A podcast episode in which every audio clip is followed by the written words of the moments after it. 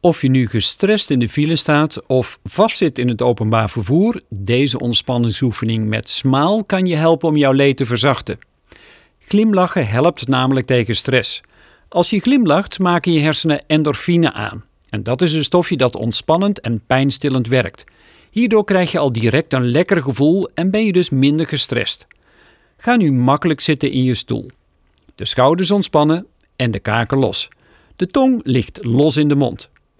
Ga voor jezelf na waar de adembeweging op dit moment het sterkst voelbaar is. In de buik, in de romp, de borst of de flanken. Volg even bewust jouw adembeweging in je lichaam. Maak nu, zonder dat daar een reden voor is, een grote glimlach aan de binnenkant van jouw mond. Van oor tot oor. De glimlach hoeft niet eens zichtbaar te zijn aan de buitenkant van je gezicht.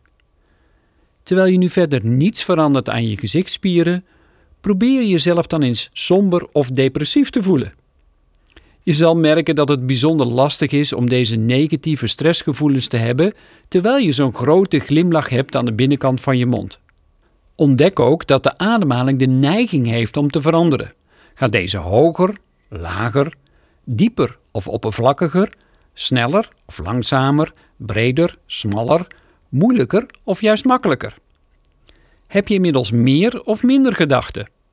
Reden genoeg om de komende dagen regelmatig even te glimlachen.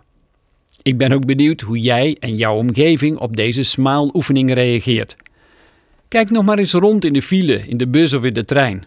Wellicht zie je medereizigers die jouw glimlach wel kunnen gebruiken. Een prettige reis verder en graag tot de volgende ontspanningsoefening.